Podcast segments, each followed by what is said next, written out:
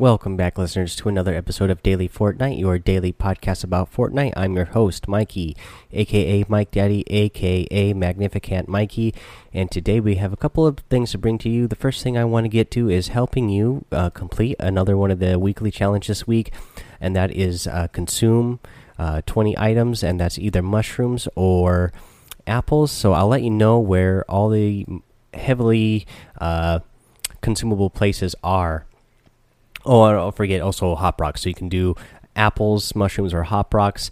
And to get this done, uh, the most heavily um, populated areas with consumables is going to be over around uh, the uh, Wailing Woods area. Wailing Woods, uh, there are a lot of mushrooms inside of Wailing Woods itself. Uh, you know, if you go to um, I3, I4, uh, H3 on the grid, uh, you'll find a bunch of uh, mushrooms, but you can also go to I2, um, G2, oh, G3, H4. Uh, you'll find apples around those areas as well. Um, another heavily populated area for a lot of consumables is actually if you just go a little bit northeast of Snobby Shores, you're going to find some hop rocks and some mushrooms. If you're going to um, on the grid again, you're going to be looking around B4 and uh, B. Five, uh, you find a lot there. A retail row has a lot of um, apples around that area as well uh, in H6. Uh, and then of course, of course, uh, in Moisty Mire, you're going to find a lot of mushrooms around Moisty Mire, especially if you um, go just north or just west of the uh, movie uh, movie set that they have in the Moisty Mire in this season on the map. Uh, so if you go to uh, I8 or H9, you should find a lot of mushrooms in that area as well. Of course, if you go to Dusty Divot, there is a lot of hop rocks in that area, and uh, you know there's other little things scattered throughout the map, uh, but those are going to be the um, most heavily populated areas for the consumables so that you can get this uh, done fast. Again, uh, especially uh, what worked best for me was going to Wailing Woods because there's so many mushrooms inside of Wailing Woods, and I just started picking them up as fast as I could. And I got this challenge done probably in two or three rounds. Um, well, let's see what else will I want to help you out with today. Um, oh, I want to help you out if you happen to be playing on PS4. Um, I haven't mentioned this yet because I kind of forgot about it. But if you go to PS4 and go, if you have PlayStation Plus, uh, you can go to the PlayStation Store and you can get um, some PlayStation exclusive uh, downloadable skins and back bling. Um, you get uh, Blue Striker outfit and the uh, Blue Shift back bling. Um, it's pretty neat looking. Again, it's PlayStation exclusive. And I will mention here again, I'm not too happy with PlayStation right now. Uh, they are holding back uh, platform, um, uh, cross-platform play. Uh, you know, they have not been willing to play with Xbox or Nintendo Switch. Um, you know, and it became extra frustrating once uh, they announced that Nintendo Switch was getting Fortnite, uh, just for the fact that you won't be able to link your um, Epic account uh, to your Nintendo your Nintendo Switch if you already have it on your PlayStation. If you want to play uh, with an Epic account on your Nintendos, that way you can uh, get you know your um, Battle Pass stuff and everything. Uh, you would have and bring it over to your PC and Xbox, uh, you would have to create a whole new account uh, to be able to do that because PlayStation is, uh, you know, not playing nice with the other consoles. And, you know, you can cross-platform with PC and with uh, mobile, uh, but they are not playing nice with the other consoles out there, uh, Xbox and Nintendo Switch.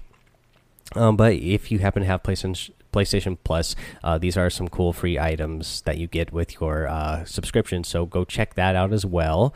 Um, let's see here. I can't think of anything else I, there is to bring news wise. That's pretty much it. Oh no, uh, I want to talk about the stink bomb. Uh, if you go into the game right now and look at the news updates, they let us know that we are getting the stink bomb coming soon, and that it is uh, going to release a cloud of a gas when you throw it into a room and uh, do damage to uh, the player while they are in the gas. Now we don't get any details on this yet on how much damage it's going to do. Uh, you know, per second. We don't get the DPS yet, and um, we don't know exactly what it's going to look like or anything. We know what the item looks like, but we don't know what the gas is going to look like. Uh, but I'm really excited to use it. There's a couple different ways that you should be able to use it. Uh, obviously, throwing it into a room that another opponent is in, and it will blow up in there, and they will be stuck in the gas. Um, you know, you could also build up around another player, uh, build a little one by one around them with a roof on top, but you know, throw that stink bomb in before you uh, close them in. That way, they're stuck in there uh, with that stink bomb, and they won't be able to get out until they break their way out. Um, but this is going to be an item, probably a good item to use around uh, Tilted Towers area because, uh, you know, there's so many people that land there, and there's so many buildings there, and there's usually people inside of the buildings. Uh, so if you pick one of those up right away in Tilted Towers, I would chuck it into a room somewhere and just uh, see if you can get some uh, get some damage done with that. All right, the other things I want to bring to you today, we have a new five star uh, rating and review here on iTunes. So I want to read that out. Uh, the title of it is Great Pod. It comes from. Uh, don't know how to say this one at all. Uh, my my G Nest. Uh, I'm not sure how to say your name, guy, uh, but thank you for the review anyway. So I'll read it out here. Uh, he says, "Listen every day at work. Love the podcast. Keep them coming. I will. Uh, I'll just call you Nest because that's uh, you know I can break that down in the end of your name there. So Nest, I will keep them coming. Uh, thank you for leaving the five star review and the written review. any of you out there that want to get a shout out on the show here as well, make sure you go over to iTunes, leave that five star review." And leave a written review as well so you can get a shout out. Remember to follow me over on Twitch and uh, remember to follow me over on Twitter. Uh, that way you can get all the latest news about what I'm doing, get all the, uh, you know, clips and highlights of my gameplay on there.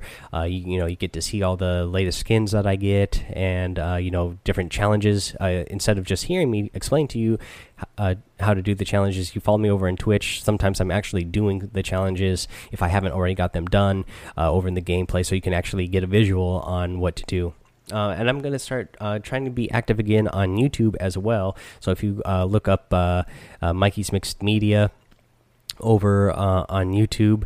I'm going to start trying to upload little short videos, not long ones, and not even as long as the podcast here. And the podcast is already pretty short, but just some short videos, uh, either doing highlights or short news updates, uh, just to uh, appease the following, the little following that I had already built up on YouTube before I decided to switch over to Twitch. All right, guys, that's all I have for you today. Uh, I'll be streaming on sometime later uh, tonight. If I happen to see you guys on, go ahead and join me in the chat. So until then, have fun, be safe, and don't get lost in the storm.